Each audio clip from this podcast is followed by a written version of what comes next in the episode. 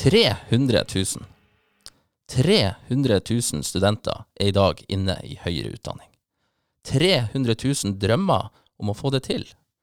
300 000 våkenetter før eksamen. 300 000 spørsmålstegn på forelesninger. 300 000 som alle har valgt ei retning, og som ønsker å få det til. Men kan de alle det? Kan alle få det til? Fins det ei god oppskrift for en ny student å følge for å få det til? Eller hva hvis? Hva hvis jeg egentlig ikke er klar for å studere? Eller enda verre, hva hvis det å studere ikke er noe for deg? Velkommen til Valle og Strømsnes, som setter studenten først og fremst. Jeg heter Strømsnes, og på min side så sitter som alltid han Valle. Og i dag skal vi snakke om det å lykkes som student. Fins det noen gode tips? Og hva betyr det nå egentlig å lykkes? Hei, Svein. Hallaisen, Øystein. Ja, Fint å være tilbake igjen. ja ny fredag. Ny fredag. Eh, og nye fredager er bestandig bud om noe godt. Ja, men du, fred fredagen er helt Nei, Det er kanskje den beste dagen. Det er kanskje det. For det er noe med at da ligger, ligger bare helga der. Helt ubrukt. Ubrukt og rein, og vi har masse fargestifter til. Ja, Så det er bare ja. alt den skal fylles med. ja, det er det. Og du skal, du skal fylle den med musikk i dag. Da blir det musikk. Eh, for min del, ja. Ja. Det blir det. Konsert. Konsert. ja. Jeg tenkte jeg skulle dra og se på, ta med meg Men skal jo det her publiseres først om en liten stund. Ja, ja, det er da har denne konserten vært. Den, den, den har vært. Ja, så, og det var, var en kjempekonsert. en kjempe, det var virkelig bra. Ja, ja, ja, det var bra. Ja, det gikk det sto i taket. Ja. Mm. Nei, men så bra. Eh, Når vi skal snakke om å lykkes som student eh, du, er, du er jo prest. Ja, fremdeles. Fremdeles prest. Mm. Har, har, du har lyktes. Jeg må jo det på et eller annet nivå, så må jeg ha Ja. lyktes med noe. Eh, og det som var forventninga den gangen, var jo å lykkes med, med det studiet jeg tok. Ja. Og det har jeg jo klart. Det gjorde du. Ehm, ja, absolutt. Ja. Eh, skal vi helt sikkert komme tilbake til eh, Vi skal det. Jeg, vet, Hvor- det, det, jeg syns, jeg syns det, er, det er litt sånn spennende tema, det her. det er det. For hva er det egentlig å lykkes? Hva, bet, hva betyr det? Ja, for eksempel. Ja. Uh, og nå når jeg skal kjøre i gang, så er vi faktisk eh, så heldige at vi har fått med oss eh, en helt blodfersk student som heter Aurora. Aurora Lilløken skal komme hit og prate om sine forventninger og tanker om hva hun tenker om å lykkes. Det blir spennende. Det blir fint. Og så har vi en som, eh, må vi også si kanskje, har lyktes. Eh, Gisle Pettersen heter han, og han er studieleder her på lærerutdanninga ved Ja. Nord universitet. Eller guru, som vi bare kaller han. Guru. Guru Ja. Pettersen. Det blir bra. Ja, det blir bra. Skal vi, skal vi kjøre i gang? Jeg tror bare vi gjør det. Ja. Yes. Og da kan vi jo starte med å si hei og velkommen til deg, Aurora. Hei, tusen takk. Ja, går det bra? Ja, alt er bra. Alt Hyggelig å være her. Ja, så fint. Foreløpig, i hvert fall. Ja, du er helt blodfersk student. Ja. Hva er det du har valgt å studere? Eh, Jeg har valgt å studere internasjonale relasjoner. Ok, Mm. spennende. Veldig. Hvorfor det?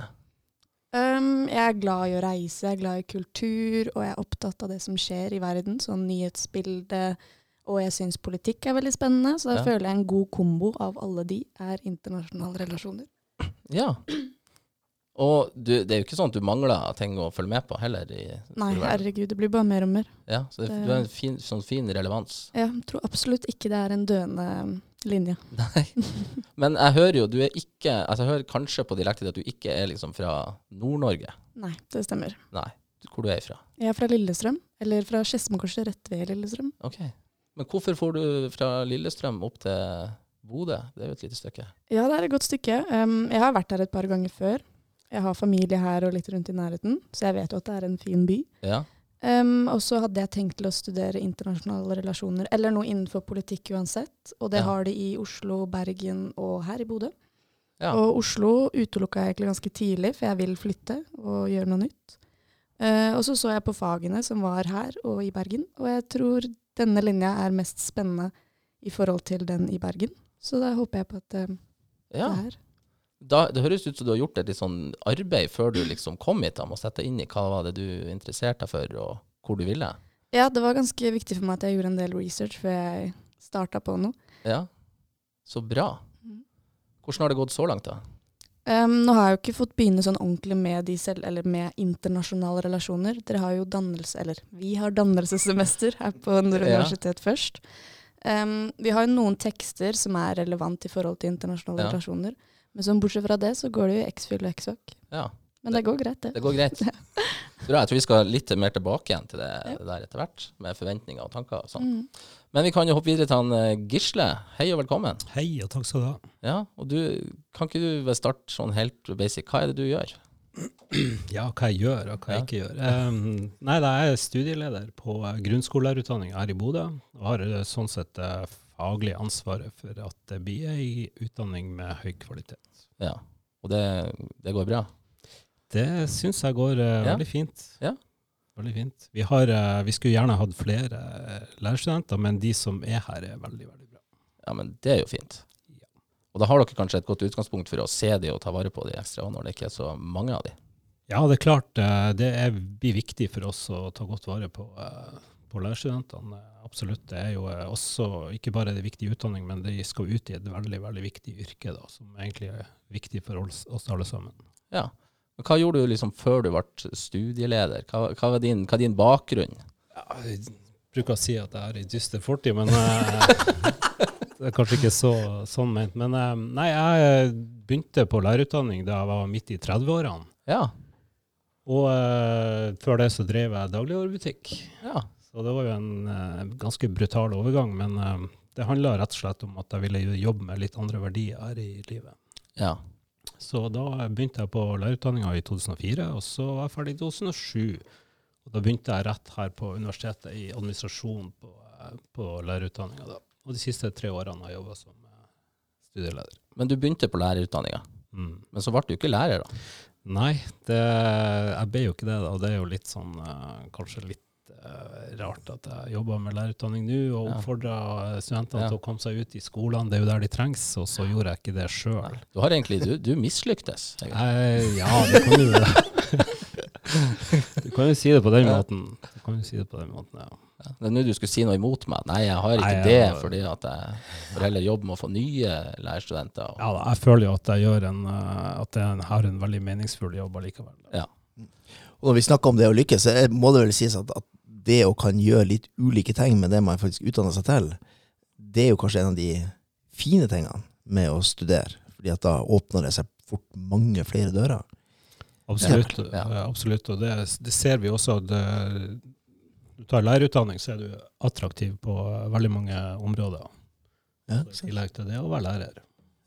Da tenker jeg med internasjonale relasjoner, det er jo virkelig et sånt fag som Ja, det er bredt spekter. Ja, ikke sant? Kjempebredt spekter. Har ikke noe jobb i horisonten som jeg har lyst til å gå inn på. Det er liksom en hel rekke med muligheter som jeg føler jeg kan nærme meg. Ja. Nei, for, altså, det, for det er jo et uh, fint lite sånn uh, input. Altså, det å studere internasjonale relasjoner, eller statsvitenskap, som jeg, jeg studerte, det, da er du litt sånn Det er ikke noe klar vei etterpå hva man skal Det er fortsatt ganske åpent. Det er Ja. litt sånn som eh, blir det studiespesialisering på videregående? Du har en god del sånn Ja.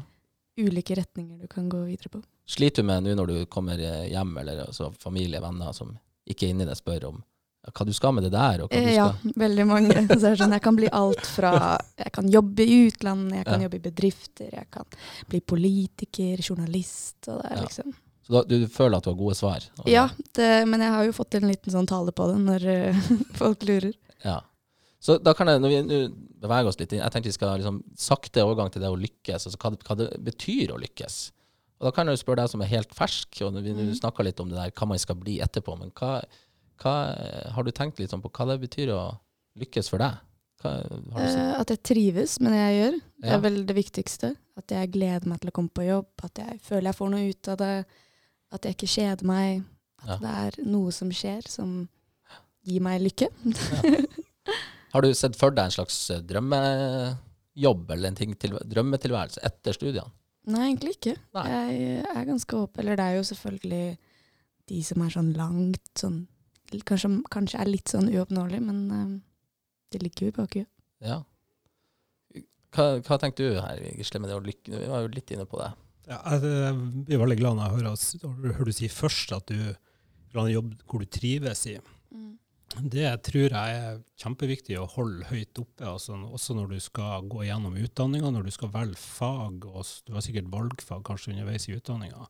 Og gå etter de fagene som du vet du kommer til å trives med når du er ferdig med utdanninga. fordi at utdanninga de varer i tre eller fem år kanskje, og så Og så har du alle de dagene etterpå hvor du skal gå inn i en jobb hvor du er nesten helt avhengig av å trives. og Gå til en jobb hvor du, du gleder deg til å gå, til, Mm. gå på jobb. og da, da Du lar jo utdanninga di styre litt av den tida som kommer etterpå, da, fordi at du, du putter innhold i utdanninga di som gjør at du vil være i posisjon til å finne jobb Ja. hvor du kommer til å trives i. Og det å våkne opp og glede seg til å gå på jobb, det er kanskje det viktigste av alt. Ja. Selv om det også er litt skummelt å tenke på. At eh, det jeg gjør nå, har så mye å si for resten. Ja. Ja, men jeg har den problemstillinga ganske ofte Ja. i min jobb, da, hvor jeg har studenter som kommer innom og lurer på hvilke fag de vil ta i sin lærerutdanning. Og da er det jo sånn at de fagene de velger å ta i utdanninga de kommer de til å bli satt til å undervise i eh, når de er ferdig. Og da er det jo ganske viktig at de faktisk eh, har et fag som de trives med å undervise i, og ikke nødvendigvis velger det som noen har sagt at det er lurt at de skal ta. Eh, fordi at eh, det er som jeg sier, de, alle de dagene som kommer etterpå, det er de som er viktigere enn alt. ja. Men, men sier vi da at, at det å lykkes, da, det er faktisk det å, det å trives med det? Altså det å føle seg vel med det? Jeg vet ikke, Hva, hva hadde vi fått til svar hvis vi hadde spurt masse studenter her ute om trives du med det du gjør? Vi har kanskje fått litt blanda svar. Altså Man kan jo ha litt forskjellig motivasjon for å ta i utdanningen. Det kan være, å, det kan være alt fra makt til god lønn, eller eh, ja, det kan være som, som mangt. som jeg tror når man får litt erfaring og, og opplever ting, og sånn så koker det ned til at eh, det å ha det bra i jobben sin er Mm. Jeg, og jeg vil jo si at hvis du Mm. som ny lærerstudent tar som første misjon om å ha makt Iallfall hvis du er barneskolelærer. Nei, det var kanskje, det var kanskje bare meg, det. Ja, det er derfor du havna der du har havna, Ja, Gisle. ja, ja. Absolutt. Men så er det jo sånn at eh, mange som, som begynner altså i, I høyere utdanning snakker man gjerne om det er normert tid. Og eh, nå er det sånn klare tall fra SSB om at eh, de har fulgt med studenter fra 2008 til 2012, og det var kun nesten halvparten som da fullførte på de tre årene. Altså, har den andre halvparten mislyktes på et eller annet vis? Altså, det er jo et litt større spørsmål, men det er klart mange av de her fullførte sikkert på da fire år eller fem år. Og, eh, Nei, Det er jo et eh, godt spørsmål, syns jeg. da, fordi at Hvis man nå tenker at, man, at det viktigste å, normere, å fullføre på normert tid, så er jo sjansen for å gjøre feilvalg og mislykkes på den måten Mm. ganske mye større, vil jeg si. Jeg er jo sjøl et eksempel på det at eh, det å bruke lang tid på, på noe Ja. lærerutdanninga tok jeg nå eh, tok uh, fire år på tre år, det var dagens snikskryt. Men, uh, men uh, da jeg skulle ta, ta min master, MBA-master, så brukte jeg veldig lang tid på den. ja. Så har jo det i forklaring med at jeg jobba her og skulle studere og samtidig. Og når det ble pause, så gikk jeg på kontoret og ble sittende der i stedet. Så moralen er ikke ta pauser. Men. Men det, er jo, det er jo at Kanskje bruke litt lengre tid da, til å komme kom dit man vil. Mm. Og få den utdanninga man trenger. For, for, for da er vi liksom inne i at det der med å, hvis, hvis tanken er at du skal velge noe som interesserer deg, og hvis du skal finne på en måte, du skal trives og, og, med, med det du studerer, som kanskje nå er- kommer frem som kanskje et av de viktigste rådene, så er det jo da slett ikke alle som velger rett, eller som da Mm. Og da er det jo tenkt nå at da er det jo bedre å ta litt, bruke litt bedre tid på um, Ja, Du ser kanskje ikke for deg at du skal bruke fem år eller fire år på Det kan jo hende, jeg vet Ja. jo aldri. Brått så er det et eller annet som skjer. Det er Jeg kan ikke se for meg alt. Men det hadde Nei. jo vært ideelt, selvfølgelig. Det er jo en grunn til at de presenterer det som hva var det du kalte normaltid. Mm. At de vil jo helst at vi skal fullføre i løpet av den tiden. Men at man ikke gjør det, tror jeg ikke er et sånt veldig stort problem. Fordi det er som regel gode grunner eller Mm. whatever. Hva, hva, kan jeg spørre, uh, Rory, hva var liksom dine forventninger før du kom hit? Til skolen eller Altså, til, til universitetet linje? her i Bodø og linja internasjonale relasjoner. Um, jeg visste jo at det ikke var en så veldig stor plass. Men jeg tror det også var noe av det som tiltrakk meg litt. Grann. At Mm. det ikke var så mye mennesker. At det mest sannsynlig da også kommer til å bli lettere å skape relasjoner med andre. Og at man kanskje får litt mer um, eh, oppfølging og blir litt bedre kjent med både lærere og uh, de andre. Uh, og så bortsett fra det, så er det jo en fin plass. Jeg har jo som sagt vært der et par ganger før. Ja. Men følte du at du, altså de forventningene du hadde, og det du faktisk møtte, matcha på et eller annet vis? Eh, både ja og nei. Mm. Jeg tror jeg så for meg at det skulle skje enda mer i skolehverdagen. At jeg skulle ha fulle dager, og at det skulle være masse mennesker og nye inntrykk hele tiden. Men det dabba jo litt av etter fadderuka. Mm. Og da å skulle prøve å sette opp en timeplan som fylte det tomrommet som eh, jeg følte på at den, den tiden hvor jeg kjeda meg, at jeg skulle liksom Ok, her må jeg faktisk finne noe å plotte inn, noe annet enn skole, fordi Ja. sånn funker ikke. Jeg kan ikke ha skole hele tiden. Nei. Eh, For, for det er jo litt av grunnen til at jeg spør, og når vi snakker om det å lykkes som student, så er det jo det, og Nå tenker jeg bare høyt, men jeg, det er jo ikke alltid at de her tankene vi har om hva det vil si å være student, og hva jeg skal studere, og hvordan det skal bli, helt matcha med det når du faktisk begynner å studere, og hvordan man ser for seg det.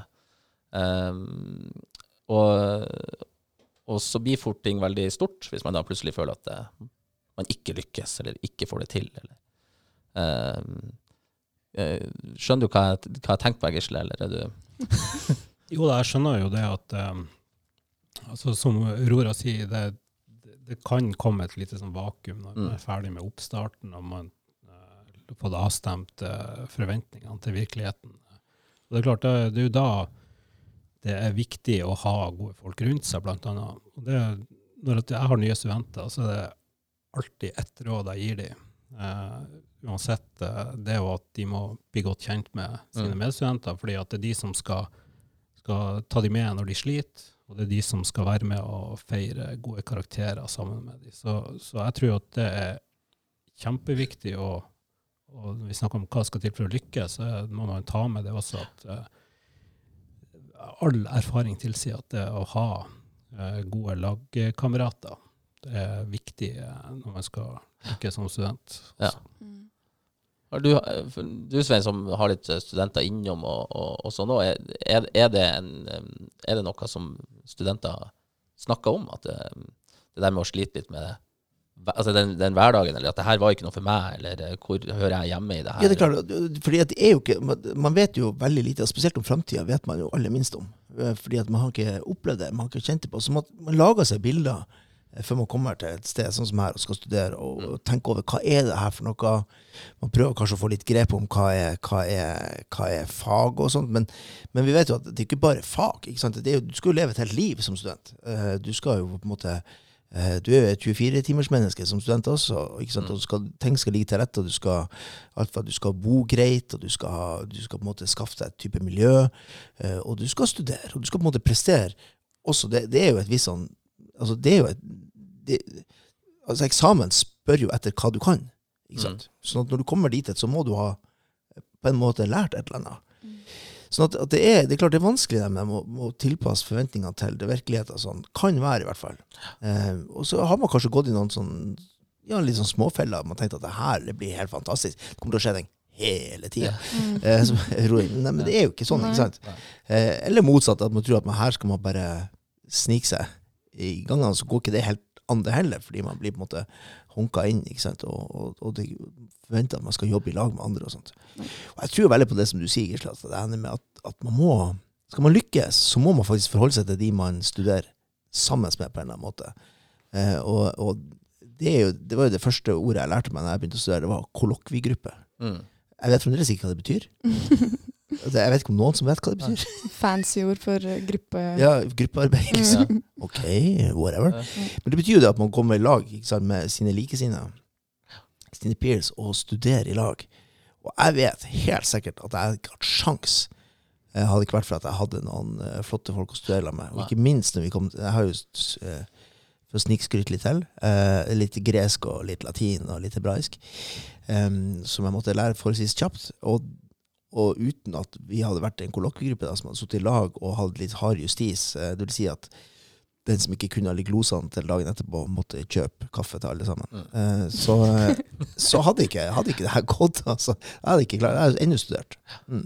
Det er, det er jo mye erfaring også der at jeg hadde heller ikke kommet meg gjennom lærerutdanning hadde det ikke vært for gode klassekamerater som, som dro meg i ørene og dro Ja. meg med og jobba hardt, rett og slett. Men jeg, jeg tror det å, det å føle usikkerhet og, og lure på om man har valgt riktig utdanning, sånt, det tror jeg er helt normalt. Mm. Og det, det må man nesten bare stå i, tenker jeg. Og, for at, eh, jeg tenker at uansett eh, kommer man igjennom en utdanning som man har hatt på et eller annet tidspunkt hadde et ønske om å ta, så har man også ei, eh, ei belønning som venter der ute. At man har, man har formell kompetanse i noe, og det i seg sjøl er attraktivt. Selv om man velger å jobbe som noe annet etter hvert.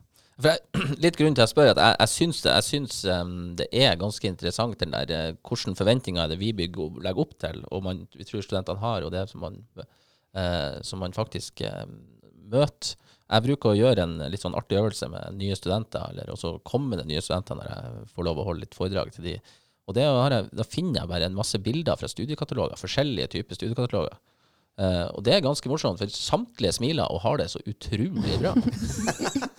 det er ikke nøye om de står der med altså pensumbok og faglitteratur, eller de står, og de står og smiler og de flirer. Og de tenker, det her, sånn blir hverdagen min. Og det er klart, det, det, er, ikke, det er ikke alltid sånn det blir. Mm. Um, så når vi snakker om å lykkes, så tenker jeg også det er viktig å snakke om at um, i den hverdagen som kommer, så, så vil det mest sannsynlig stille spørsmålstegn om var det her rett for meg, eller hvor er det jeg driver på med, og kan alle de andre alt og jeg ingenting, og hva er det det her skal ende opp i? Ja, altså, jeg har jo allerede vært inne på tanken, nå har jeg jo ikke vært her lenge, det er kanskje en måned, inne på tanken, ok, skal jeg være her i tre år? Skal jeg gjøre Ja. det her i tre år? Skal jeg være med, skal jeg liksom bo på dette stedet her i tre år? Er det virkelig det jeg har lyst til å gjøre? Um, og jeg tror veldig mange av uh, vennene mine og generelt studenter rundt her møter på en sånn liten reality check når du kommer og du faktisk skal starte en hverdag, og alt det morsomme og det nye begynner å dabbe litt av. Mm. Um, og da tenker jeg at det går greit å, å være litt nede. Det går greit å ha en dag hvor du Nei, i dag gikk ikke alt som jeg hadde tenkt. Jeg klarte ikke å gjøre det. Jeg fikk ikke sjekka av alt på lista, men i morgen, kanskje. Men har du funnet deg en liten vennegjeng, eller noen du Eh, ja, diskuterer med? heldigvis. Jeg har vært, um, altså, første dagen, hvis du bare kom på og slenger på en maske om at du er tøff og frempå og sånne Mm. ting, så, og bare hopper ut i det, så får man jo venner til slutt, hvis man bare Ja. står på. Eller det høres kanskje ikke så Nei, men det er et fint tips, det. Ja. Stå på. mm. For, men, for det, men det tenker jeg er jo en reell utfordring for noen, det der å finne seg en gjeng. Eh, Kamerater og la- lagkamerater, som du sa, Gisle. Ja, det, jeg tror også det at det kan være utfordrende for mange. Og, og man må akseptere også at det er noen som trives i eget selskap og fint lykkes med å, med å gjøre det. Altså, Mm. og, og studere eh, nærmest på egen hånd. Det, det skal man også eh, respektere at det, det finnes, og det er ikke noe gærent i det. Altså. Men Nei. jeg tror at for de fleste så vil det være, være en god hjelp å ha gode klassekamerater og noen som kan hjelpe seg eh, når det, når det er tungt. Mm. Ja, og det, det er ikke tvil om sånn, eh, at, at det, det er flere som, som på en måte kjenner at det der er, er, er kanskje den største utfordringa. Man kommer ny på et sted. Um, ja, kanskje litt med sånn litt tida vi er i òg. At det der er litt sånn Ja, det er litt utfordrende. Uh, kan være, man tør ikke helt å være frempå, for man vet ikke helt hva man, hva man møter. Um, men det er noe med å stå i det. eh, og jeg tror for nesten alle studenter så er det litt overveldende det å komme Ja. på et nytt sted og, og, og, og skal finne seg til rette. Altså, eh, bare alle de praktiske tingene ikke sant, skal falle til rette. Og det å skjønne ikke sant, hvordan finner man tak i eh, timeplanen, og hva er nå egentlig pensum, og hva var det egentlig de sa i går at jeg skulle passe på, eh, og så finne alle de stedene hvor man går og leter opp de her tingene. Det er litt sånn overveldende. Og det tar litt tid. Altså, man kommer ikke unna det at det tar litt tid. Eh, Sånn at det, det tenker jeg Når man kommer som ny student og skal um, komme med alle forventninger, forventningene, så må man også på en måte forvente at det er ikke gjort på en dag.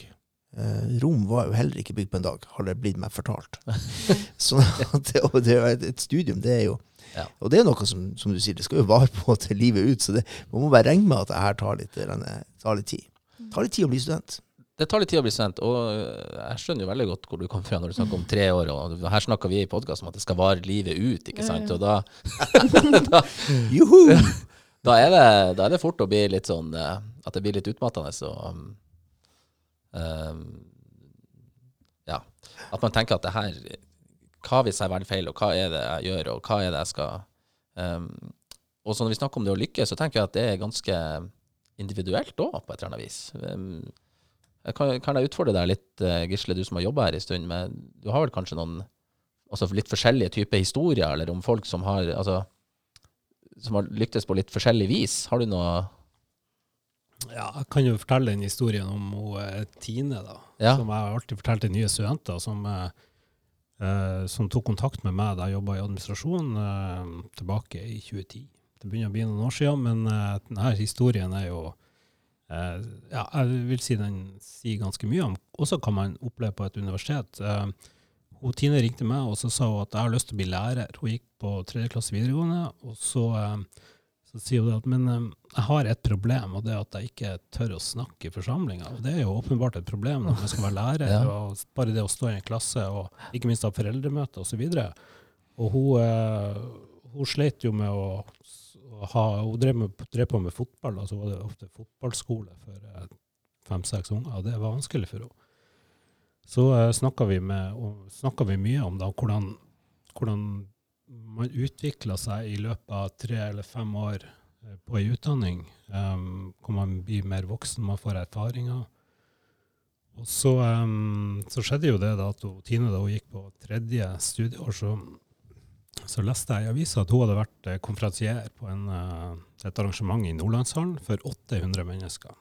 Ja. Da, da, har det skjedd ganske mye med Tine i løpet av de tre årene der. Så kan jeg si at ja, det, vi har et fag på lærerutdanninga som heter pedagogikk, så det var litt sånn dannende og så videre, og utviklende for, for, for, eh, si, for egen personlighet. Da. Men hun fortalte også da, at det var dramaundervisninga i lærerutdanninga som gjorde at hun hadde tatt dette store steget, vil jeg si. Så det er en sånn historie til inspirasjon for de som er litt usikre på uh, når man starter på ei utdanning. Man utvikler seg enormt i løpet av uh, den tida man tar utdanning. Helt uavhengig av hvilken type utdanning det er, tror jeg. da. For det der er jo en enorm suksesshistorie, sånn egentlig. Absolutt. Og Tine jobber jo da som lærer i dag, og, og eh, kan du si at hun har lyktes veldig. Hun har lyktes veldig. Og bare et poeng til. Og Tine brukte litt lengre tid enn normert tid, normert tid ja. på å lykkes. Ja. Så da er vi liksom litt igjen tilbake igjen til at det, det, det, er, det er, individuelt. og jeg, er litt opptatt av at um, vi er Når, når jeg starta det her med at vi er, det er 300 studenter i Norge, så er det jo også da 300 000 forskjellige mennesker eh, som alle med sine forskjellige utfordringer og tanker og har ja, og sine mål. Um, og eh, hvis jeg skal problematisere litt til, um, så er det jo ikke sånn at uh, sikkert alle er modne eller klar for å studere med en gang heller. Um, kan jo ta meg, ta meg sjøl, hvis du har utlevert andre, så kan jeg liksom um, Når jeg starta, og det er også en historie jeg har, har, hyppig delt, så var jeg veldig uh, Som dere kanskje hører, så, vet, så er jeg bodøværing, og når jeg var klar for å um, studere, så, så var min, min, eneste prioritet det var å komme meg bort. Jeg ville liksom lengst mulig bort. Jeg var drittlei av Bodø. Eh, og lengst mulig bort for meg, det var, var, Bergen. For da måtte jeg liksom bytte fly. Det gikk ikke noe direkterute til, til Bergen. Uh, det, så det var kjempelangt bort for meg. Um, og eh, kom ned dit og hadde det jo som plommen i egget. ikke sant? Alle kaller meg Bodø, Bodø. Jeg gikk rundt der og bare yes, og skulle vise hvor flinke nordlendingene var til å feste, og hvor sosiale vi var, og hadde det egentlig helt supert. Um, helt til det en mørk, regnfull dag i Bergen, selvfølgelig, så dukka det opp ei, ei, regning i posten. Ei strømregning. Og klart det, for jeg, var akkurat blitt 20 og aldri bodd hjemmefra før helt alene, hadde jo ikke noe forhold til um, nettleie eller å måle strøm, ikke sant. Så her var det regning på 4500 kroner. Det, det, skjønte jeg utrolig lite av. Uh, og måtte jo da ta den, det for meg tunge samtalen, så telefonen hjem til mamma der jeg liksom skrek om at her var det, her var det kommet i regning. Og måtte finne meg jobb, og det var jo kjempeartig. Det var jo mye artigere å jobbe enn å være student. Uh, og var kjempegod i den jobben. Uh, helt til jeg plutselig fant meg sjøl i en situasjon der. Der plutselig det var en eksamen, og jeg satt med ei 800-siders eh, amerikansk historiebok liksom, eh, og skulle lese den dagen før, og at det gikk ikke. så jeg, jeg, var ikke 800 sider på en dag, det tror jeg hadde vært en, en form for rekord. Det, jeg hadde det, altså. Så, så det gikk ikke.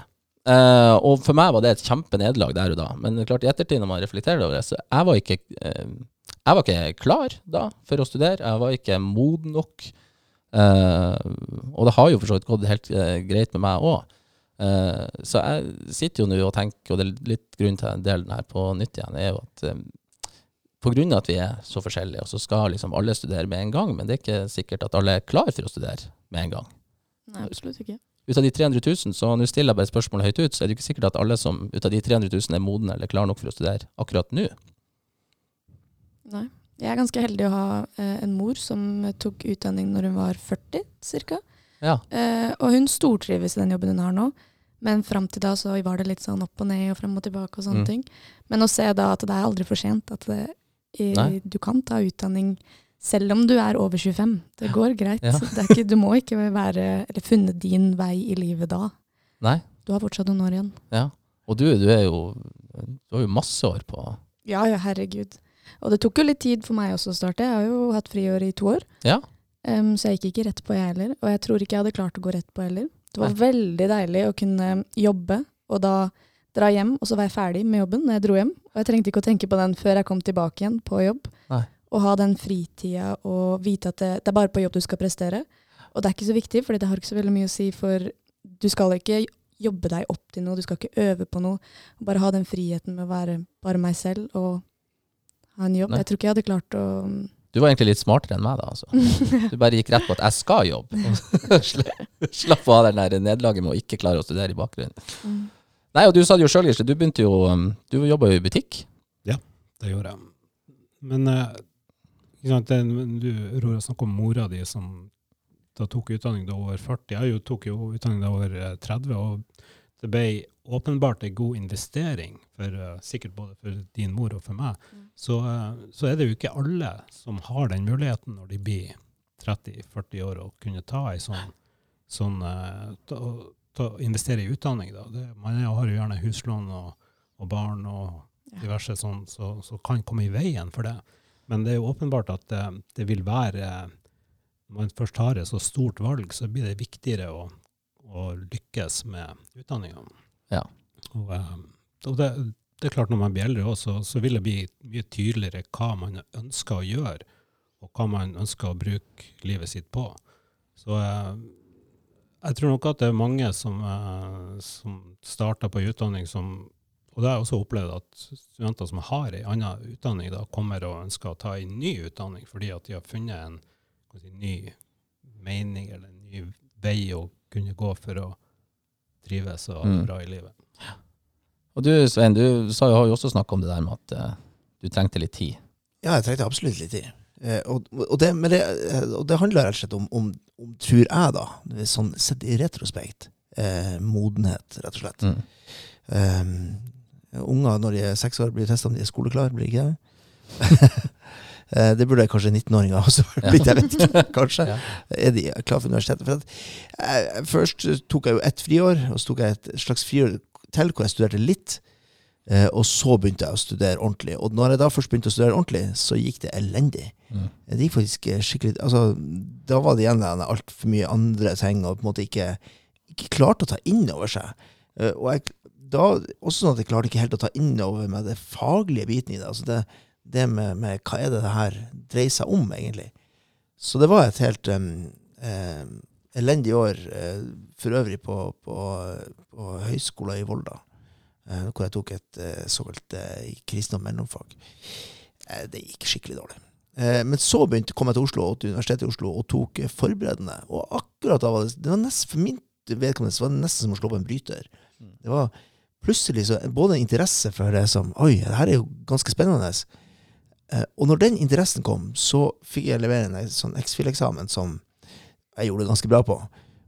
Og, og det, var, det var første gangen ever at jeg opplevde at jeg, at jeg hadde putta noe inn i det, og fikk noe tilbake. Sant, i form av karakter. Og det var, det var rett og slett nesten en magisk opplevelse. Eh, og, og gikk fra det å tro at det her egentlig er noe jeg ikke kan, eller jeg får det ikke til, eller jeg skjønner ikke, eller det er noe feil med meg, jeg klarer ikke å konsentrere meg, eh, og sånt, til å faktisk klare det. Mm. Og det var litt sånn bryteraktig.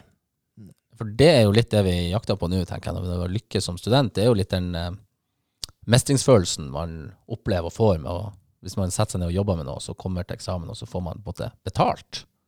Altså det, det å at man- nå får man det til, og jeg, liksom, jeg, jeg trives med det jeg tar, og så jobber jeg med det, og så får jeg, får jeg ut på en måte, noe resultat i andre enden som måtte måte, bekrefter det. Ja, absolutt. Men også, heller, også det at, at, at når du er, hvis du er i en periode hvor det ikke går så bra, Mm. Så man må på en måte lete litt etter og prøve å forstå og, og, hva er det som gjør det for noe. For det er altså ikke dermed sagt at, ikke du, altså at du er uegna som student, selv om du, du, får noen, du begynner med litt, ut med litt dårlige eksamener. Og, og det er jo de som f.eks. går på dannelsessemester, som er, altså er det første semester på Fakultet for samfunnsvitenskap. Som, jeg, det er jo en del studenter som, som, som stryker på det innimellom. Ikke sant? Og, og da tenker jeg, da må man bruke det som en slags sånn, eh, springbrett for å bli litt kjent med seg sjøl og skjønne at, at, at, at det, må, det må noe litt mer til. Man må ha type interesse for det. Man må, ha type, man må investere noe inn i det. Altså Input er lik output på mange måter. Mm.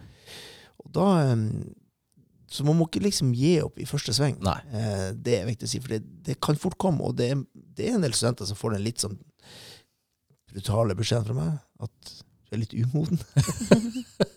Ja. Og det høres litt brutalt ut på ett Ja. vis, da. Eh, Men det er, ikke, det er på ingen måte ondt ment. Altså. Det, det er virkelig ment for, å, for å, å si at her, dette kommer til å gå bra. Men du må på en måte henge inn der. Du må på en måte ikke gi deg. Jeg husker min første eksamen jeg hadde her på da, høyskolen i Bodø. Og det var innenfor statsvitenskap. Jeg var, jeg, var, jeg, jeg mente i hvert fall sjøl jeg var best i klassen. Jeg leste mest. Og vi Beskjedent nok. Ja. og vi hadde Ja, og det, og det er klart eh, på grunn av at jeg leste og følte meg så trygg på det vi hadde, og vi, vi hadde kollokviegrupper, og, og der, der liksom sto nær, og nærmest og forklarte alle sammen, og lærte de og underviste de litt i hvordan det her hang sammen, og sånn og sånn. Og så kom eksamen, og så fikk alle de jeg hadde altså, ikke, skal skal ikke si alle, men mange av de som var i min gruppe, de fikk A og B, og jeg fikk C. ja, skikkelig uttak. In your face. In my face. så det er jo litt der også med å, å knekke koden, også, som du sier. Um, hang in there. Mm. Hvis vi nå går over til litt sånn eh, tips, konkrete råd til det der med hvordan å få det til. Vi har jo vært inne på noe av det med at du må ha en Altså det må ligge en slags interesse i bunn. Du må være interessert i det du tar. Eh, altså Hvis ikke så er det tøft. Altså det å interessere seg litt for faget. Er du enig i det, Svein? Det, Ja, og det, det der kan være også litt, sånn, litt vanskelig og litt tvega, for at, at det kan oppleves litt sånn altså, Vi har alle vært på forelesninger som har vært dørgende kjedelig. Eh, jeg vet ikke, Kanskje ikke du har rukket det ennå, Aurora, men eh, Jo da. ja, se der, ja. Etter én måned. Som sagt. Eh, eh, og da kan det av og til være litt vanskelig å, å, måtte, å finne det der. Men jeg, jeg tror man må være sånn på søken etter det der, og, og finne interessen i det faglige. fordi at, at det er mening stort sett med det meste Mm. eh, på et eller annet nivå. Og så, og så klart så finnes det forelesninger som er, er kjedelige. Det, det gjør det absolutt. altså. Litt sånn uavhengig av det, da. Så jeg tror det er en, en, vei inn, å være sånn på leit etter det som er interessant i det her. Gjør seg opp egne meninger, og, og begynne å formulere egne meninger. Og så finnes kunnskap andre steder. Kunnskap i dag er det jo masse steder man kan lete etter den kunnskapen på. altså Alt fra vanlig, gammeldags bibliotek og til det store internettet osv. Så. Mm. så det tror jeg er veldig på jakt etter det. Har du funnet altså du, er jo, du har jo sagt før nå at du er, du er interessert i politikk og samfunn. men Har du liksom funnet hva er, det, hva er det som er mest interessant, og hva er det du liksom Har du gjort deg noen tanker Eh, allerede? nei, egentlig ikke. Eller vi hadde sånn Atlanterhavskomité-semester nei, semester, ja, seminar i går, Ja? eh, hvor det var en god del foredrag. Og jeg syns jo alt var spennende, Ja? så det lover ikke så godt på min eh, tilspissing. Men nei, jeg vet ikke. Vi har jo ikke hatt så veldig mye av de fagene ennå, så jeg vet ikke helt hvordan jeg skal Nei. Eller om hva det er jeg interesserer meg mest for. Men du er litt sånn åpent blikk, kanskje, på Ja, veldig. Ja. Eh, Gisle, du som jobber på lærerskolen. Er det Der er det jo liksom vanlige skolefag. Ja, det stemmer det. Det er jo godt- norsk og matte observert. og sånn. Overraskelse. Ja. Og det syns, og det syns, eh, syns studentene dine at det er spennende? Ja, altså det, det som er, altså alle studentene har jo hatt disse fagene på videregående og sånn. Er Mm. ikke det, men du har det didaktiske aspektet, altså hvordan underviser man i, Ja, i disse fagene, som sikkert oppleves nytt for, eh, for veldig mange. Ja, hvordan undervise, hvordan lære bort. Ja, Det er jo en viktig del av Det er jo en del av det å være lærer. Ja. Men du, har du gjort deg noen tanker om det med gode råd? Altså, vi, når vi snakker om det å finne, finne ei gruppe, finne, finne, en, finne gode lagkamerater, men når du har gjort det Ja, jeg har jo en, eh, et svar på det. Ja. Jeg vet det har vært nevnt i denne podkasten før, altså, men eh, jeg er veldig opptatt av at studentene må bli mer opptatt av læringsutbyttene i hvert enkelt emne. For de står, der står det ganske tydelig hva, hva man skal lære, hva man skal kunne i løpet av den tida dette emnet pågår. Og eh, jeg vet om at eh, en student en gang som fikk toppkarakterer på alt, og ble da spurt om eh, ja, du må jo jobbe døgnet rundt med studiene. Så sa han bare at nei, jeg har både jobb og fritid til det her, men, men jeg setter meg inn i læringsutbyttene. Der det står hva jeg skal kunne når jeg er ferdig med dette emnet. Og eh, jeg har jo en sånn generell eh, oppfordring til eh, studentene at når dere har forelesning, spør læreren hvordan læringsutbytte er denne forelesninga om. Ja. Ja, altså det, det mener jeg studentene studenter må kunne gjøre. Fordi at det er det som styrer Læringsutbyttene styrer pensum, og det er det man blir prøvd i på en eksamen. Det er læringsutbyttene. Så da tenker jeg at da er det helt innafor å spørre foreleser hvordan læringsutbytte skal du forelese om nå? ja. Så, og hvis man har et, en oversikt over hva man skal kunne i løpet av et, et emne, enten det går på ett semester eller over to semester, så, så klarer man også å skille mellom hva som er viktig å lese på, og hva som er mindre viktig å lese på. Selv om det er, liksom, er i pensum. Pensumbok inneholder jo mye, da, men, men det er som sagt læringsutbyttene som er det viktigste. Det hørtes jo nesten ut som litt juks. Det er absolutt ikke juks. Det er jo det man skal Ja, sant? Læringsutbyttene er jo, det står i emnebeskrivelsen på, som man finner på, på nettsiden, Altså der står det hva man skal kunne, Ja. Rett og slett. Og det finner du bare på nord.no sine Absolutt. Hvis du Og det, hvis du vet hva som står der, så vet du også hva du må lese på. ja. Har du tenkt på det her, Aurora? Nei. Det her tror jeg er det beste tipset jeg har fått så langt. Jeg har tenkt på det når jeg har sett kapitlene og jeg har lest. Jeg bare, ah, det her virker jo ikke int- Eller sånn, jeg føler ikke at det her har noe å si for det vi lærer. Så ble jeg sånn, ja, hva er det egentlig jeg trenger å vite? Hva av det han sier nå, hva er det som egentlig er viktig? Er det de anekdotene han legger til sånn, og dette er også interessant, eller er det de em, stikkordene som står på powerpointen? Mm. Hva, er det som er viktigst? For jeg kan ikke sette meg inn i alt, fordi Nei. så smart er jeg ikke. Jeg har ikke Nei. så stor kapasitet. Nei, og det kan vi si også at Læringsutbytter er jo gjerne litt sånn store ord. altså Du skal ha avansert kunnskap om, eller du skal ha eh, kunnskap om eller, altså Litt sånn Mm. forskjellig nivå på det her. Men, men eh, jeg tenker at det, det er viktig også eh, å så sette seg inn i det. Og hvis man ikke forstår helt hva dette læringsutbyttet dreier seg om, så spør læreren. Jeg får sikkert masse kjeft. Nei, men det, det tror jeg vi det, det, det her setter vi pris på. Jo, men det, er det er viktig, og, og, altså man er gjerne opptatt av om er, hva, hva er pensum. Er, er dette pensum? Eh, får vi dette på eksamen? Så det enkle svaret er at eh, pensum er det som skal føre, føre deg fram til læringsutbytte, og så skal du prøves i læringsutbytte på eksamen. Mm. Så hvis man har en grei oversikt over det, før, altså før man begynner å lese på pensumet, så klarer man også å, å eh, kan si, lese litt mer strategisk og Mm. presist på det man eh, vet man kommer til å bli prøvd i. Mm. Det var rett og slett et uh, kjempetips. Ja, jeg tror, jeg tror uh, veldig mange, både lærere og, og studenter, trenger å bli mer bevisst på dette med hva som er det faktisk, hva som er det aller viktigste, Er det er. Ja. Det tror jeg, jo- jeg tror jo absolutt det der er et supertips. fordi at, at, at Ofte så føler man jo litt sånn at man, vet, man klarer vanskelig for å relatere det. Ikke sant? Hva, hva, er, hva er grunnen til at vi driver på med det her? Eh, og det er jo nettopp som Gisle sier, da kan du gå inn og se på det læringsbyttet. da. Ja, Kan du relatere det til det? Eller på en måte tenke at kanskje det ikke var så relevant. Eh, Mm. og det, jeg tenker, det er helt supert. Ja. Og det, det er jo dette som er litt denne dannelsen med å bli student, det er jo nettopp Ja. å catche de her tingene her. Og se hva er, det, hva er det som det faktisk spørres etter. Ja. Um, når noen sier at man må lese pensum tre ganger, så eh, ta nå det med en klype salt, fordi det er kanskje ikke det som er interessant.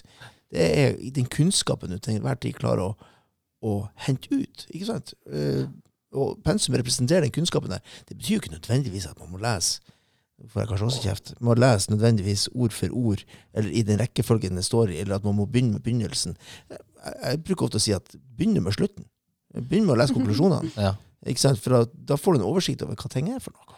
Og så kan du på en måte få med deg litt av det detaljnivået og øke det presisjonsnivået etter hvert. da. Hører du det? Aure? Begynn med Ja, veldig godt tips. Det er jo sånn når man leser eh, stor, eller kapitler som ikke er så veldig interessant, så har du brått lest fem-fire sider, og så tenker du hva er det egentlig jeg har lest? Ja. Og så har du tenkt på alt annet i mellomtiden, og du får ikke med deg noen ting, og så skjønner du bare ah, skal jeg virkelig lese Mm. ferdig det kapittelet her? Hadde jeg kommet til å klare det?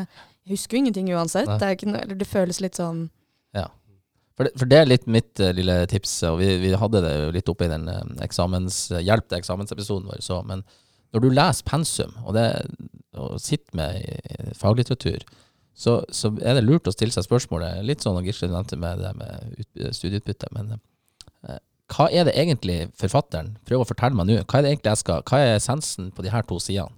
Og så bruker man, eh, og det altså bruker du, skal, Sier du at du skal bruke én time på å lese, så mener jo jeg bestemt at da skal du ikke bruke så veldig mye mer enn en halvtime på å faktisk lese til den timen. Så burde du bruke den andre halvtimen på å på en måte reflektere, jobbe litt med det du leser.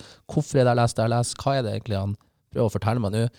For det er så fort. Akkurat som du sier, Aurora, at man sitter her og leser side på side, og så plutselig så flyr tankene, og så flyr man dit, og så plutselig så Hva er det egentlig jeg har lest nå? Og hva er det egentlig som Men så har du liksom Jeg har nå lest 20 sider i dag, men hva har du egentlig igjen for de 20 sidene? Det tenker jeg er et spørsmål som er, kan være lurt å stille seg sjøl. Helt klart. Ja, til, litt tilbake til de læringsutbyttene. Jeg har jo som mål på lærerutdanninga at eh, lærere som har ei forelesning, skal innlede forelesninga med å si hva som er læringsutbytte i den. Og vi har noen som gjør det, men vi, det her er selvfølgelig en, en, en, prosess på å få til høyere kvalitet på utdanninga, mm. tror jeg, da. Som kanskje tar litt tid, men jeg tror det er kjempeviktig både for, både for studentene, selvfølgelig, men også for de som underviser, at uh, det tydeliggjøres hva som er læringsutbytte. Ja.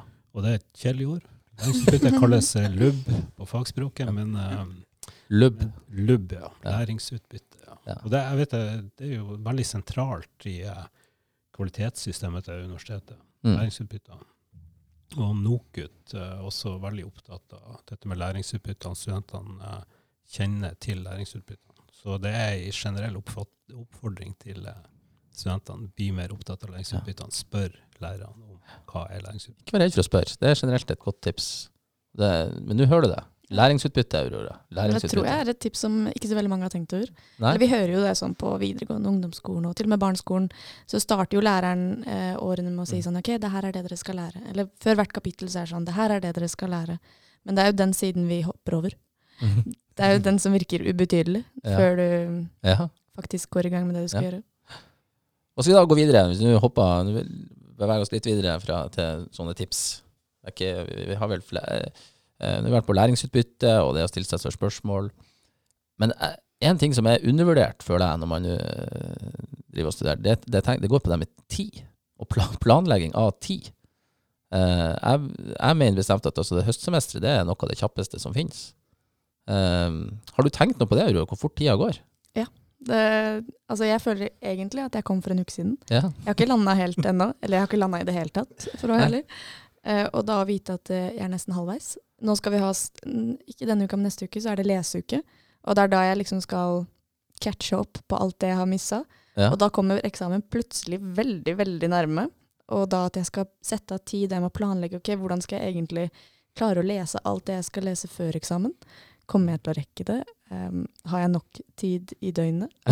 henger, du, heng du, etter, føler du? Ja, ja, jeg kan vel helt ærlig si at jeg føler det. Men ja. um, jeg er ikke helt stressa helt eller jeg Nei. tror det går greit. Det henger med i hvert fall i forelesningene. og um, Henger med oppgaver som skal leveres og alt sånn. Og så får det heller være sånn at det er noen sider jeg ikke har ja. lest like nøye. Ja.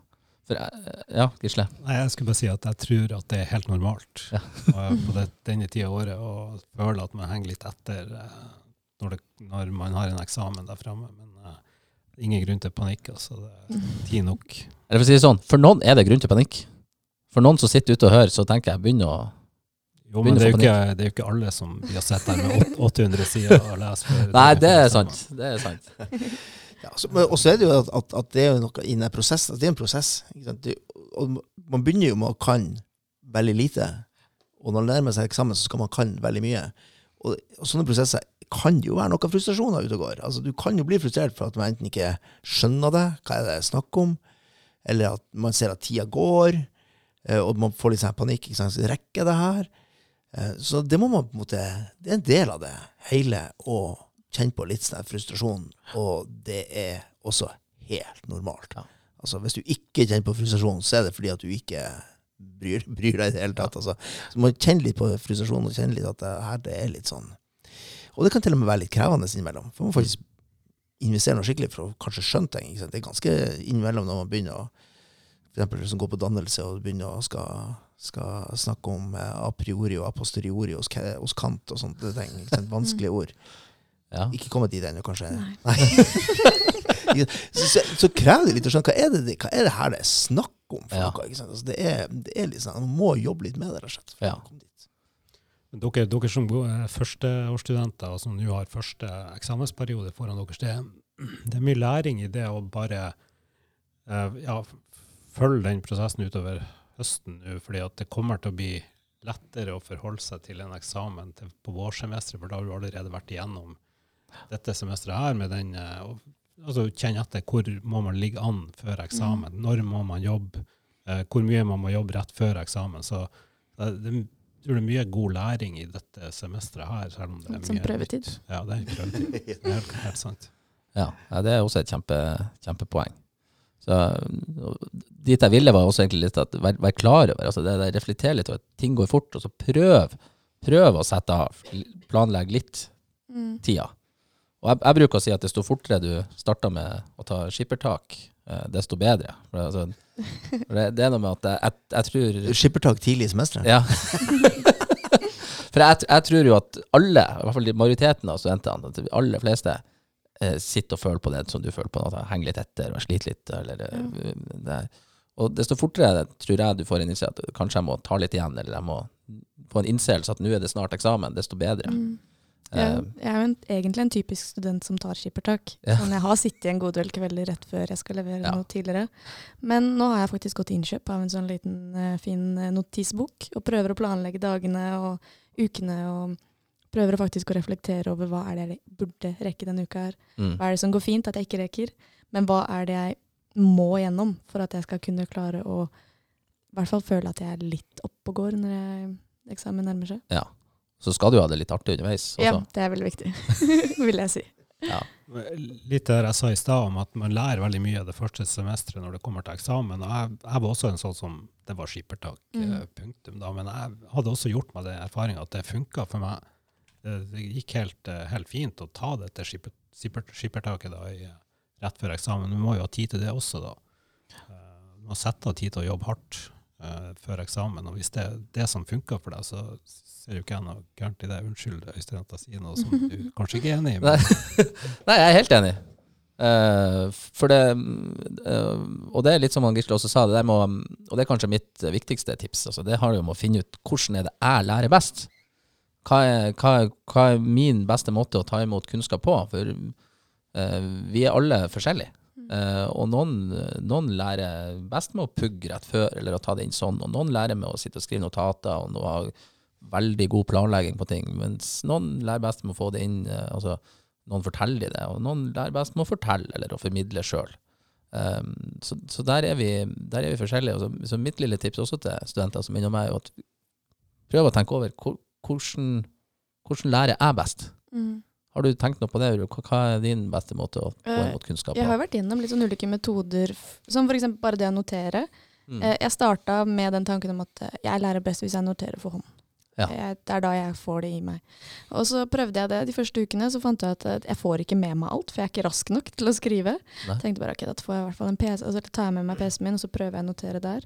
Og til slutt så fant jeg at det funka egentlig bedre enn den tanken jeg hadde tidligere, om at jeg må skrive for at jeg skal kunne klare å lære meg noe. Mm. Og det å vite, eller det å innse da, at jeg kan endre, at det, ting er ikke akkurat sånn som jeg tror før jeg eh, begynner med det. At det er, går fint å endre litt rutiner og endre litt sånn vaner. Og innse at jeg også kan ta feil med hva jeg selv Ja, hva som er best for meg. hvordan lærer du best, eh, Gisle? Du skulle jo bli lærer, så var det formidling som var din Nei, altså jeg, som jeg sa i stad, det var skippertak. Ja. Og så jobba jeg uh, sammen med noen som uh, også syntes at skippertak var det beste. så, men det er mye artig underveis, og det, var, uh, det gikk som regel bra hver gang. Ja. Så bra.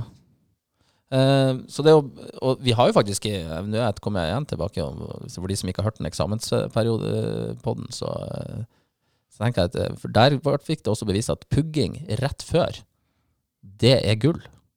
Og det er mange som på en måte sier at det, altså, desto mer du på en måte pugger rett før enn selve eksamen, det, desto mer er det er det faktisk du husker. For det er det med, hva, du, hva det slags tanker du lukker, altså, setter, og prosesser du setter i gang i hjernen rett før. Så um, det er faktisk bare tull og tøys at eh, du skal ro ned de siste dagene før. Mm, ja, vel, vel. Vi hadde en sånn greie at vi, eh, vi gjorde noe helt annet kvelden før eksamen. Ja. Eh, Spilte brettspill eller et eller annet Ja. sånn eh, litt, litt sånn meningsløst. så det funka for deg. Det funka for, for oss, vil jeg si. Ja. Så ja, det vil jo være opp til hver enkelt altså, hva som funker best, som. Ja. Finn, finn den måten som passer best for deg. Har vi, har vi flere tips? Har du noen tanker om tips? Tips? ja. Eller noen spørsmål? Kanskje jeg skal snu på det? Noe du lurer på, altså, som funker eller ikke nå når du er helt fersk? Jeg vet, eller jeg aner jo ikke hvordan det her kommer til å gå. Jeg har, ikke, jeg har aldri vært i en sånn eksamensperiode som Nei? alle de tidligere studenter beskriver, den intense hvor alle sitter og jobber, alle pugger og sånne ting. Så jeg vet jo ikke helt hvordan det kommer til å gå ennå.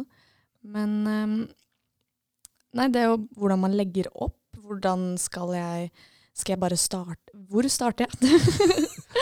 Ja. Hvem er det Burde man sitte med andre først? Burde man eh, pugge selv først? Burde man Ja. Det er jo en million tanker om Ja. ehm, ja.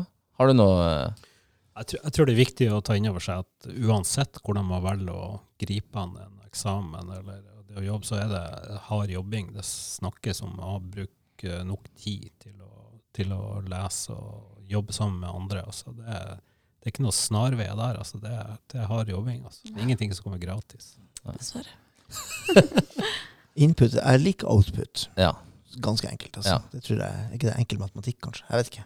Um, men det handler om at, at du, må, du må få det inn for å kunne gi det ut.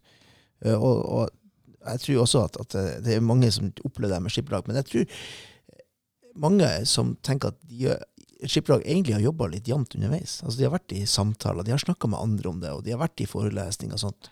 Som er det, men det er klart den intense jobbinga, den kommer på slutten. Eh, og da er det kanskje sånn For jeg tror også at jeg, bestandig jobber altså, altså kun under press. mm. Eh, men når jeg tenkte over det etterpå, så, så har det vært litt begge deler. Både at man faktisk er i det underveis, eh, men det er litt mer sånn ullent, men så kommer den veldig konsentrerte tida på slutten. Ja. Mm. For meg var litt, eh, som du har studert, eh, det du driver og studerer nå, så var for meg den, liksom, den største lykken underveis i stu- studietida og det, når man studerte, det var når jeg fikk den der eh, eureka-følelsen, eller liker jeg å kalle det. Når man plutselig bare forstår. Plutselig skjønner og, kl- og klarer å sette ting i sammenheng. For det, det er noe med å sitte og jobbe hardt med pensum, eller jobbe sånn, og så skjønner man ikke helt og man stiller spørsmål, men så plutselig så skjer det et eller annet, eller så ser man noe på TV, eller så leser man i avisa, eller så er det et. Og så, å ja, det er sånn det funker. Og den, den følelsen der med at man plutselig kan stille seg sjøl et spørsmål, og så sette ting i et større perspektiv, eller forstå, det å forstå hvordan ting er, det var i hvert fall veldig viktig for meg. Det at jeg måtte forstå det. Jeg kunne ikke egentlig bare pugge det, jeg måtte skjønne hvorfor, hvorfor det var sånn. Så, um, og du er jo igjen i en eh, veldig heldig eh, situasjon, spør du meg, med at eh, det er så mye som, av det fagrelevante som, som skjer ute Ja. i verden. Jeg tror det påvirka meg hvorfor jeg valgte der. Sånn, siste år på videregående så ble jo Trump valgt inn, Ja. og det var brexit, og det var så mye som skjedde. Og innså at det her er jo fryktelig spennende. Ja. Og det da at jeg kan på en måte jobbe med skole uten at jeg jobber med skole. At jeg kan følge med på nyhetene. Jeg kan ha samtaler med venner om ting som skjer, og jeg kan fortelle vennene mine som ikke studerer det her, hva som egentlig skjer. Kan prøve å forklare de noe. Mm. Og føle at jeg har litt, sitter på litt kunnskap, er veldig deilig. Ja, Jeg bare skyte inn og si at jeg tror det er kjempeviktig med den kunnskapen som du er i ferd med å tilegne deg i de debattene du ramser opp der. Altså, enten det er Trump eller brexit eller klima som det Ja. nå er, så er Mm. kunnskap viktigere enn noen gang. ja. Det var en fantastisk eh, konklusjon. ja. Kunnskap er viktigere enn noen gang, og det tror jeg er helt superrett. Altså. Så, Veldig bra. Ja. Og ut av de alle 300 000 som på en måte er nå og studerer eller i studieløp, og, så, er, så er jo kanskje det det viktigste å dra med seg nå på slutten. At eh, vi lykkes, altså det å lykkes som student, det er litt når du, altså samfunnet og alle føler jeg lykkes litt når vi alle får mer kunnskap og mer på en måte, forståelse og refleksjon over hvorfor ting er sånn som de er. Um, og for de nye studenter der, så kan vi avslutte med at det er hardt og det er litt tøft, men på en måte, gi ikke, gi ikke opp. Hang in there. Hang in there. Så får dere alle ha lykke til med de her månedene som du plutselig går til eksamen og jul. Ja, plutselig er vi Plutselig, plutselig er vi der. der. Ikke sant? Og enda raskere er vi tilbake igjen med en ny episode. Det er vi allerede om ei uke. Ha Det det er vi. Vi snakkes. Ha det.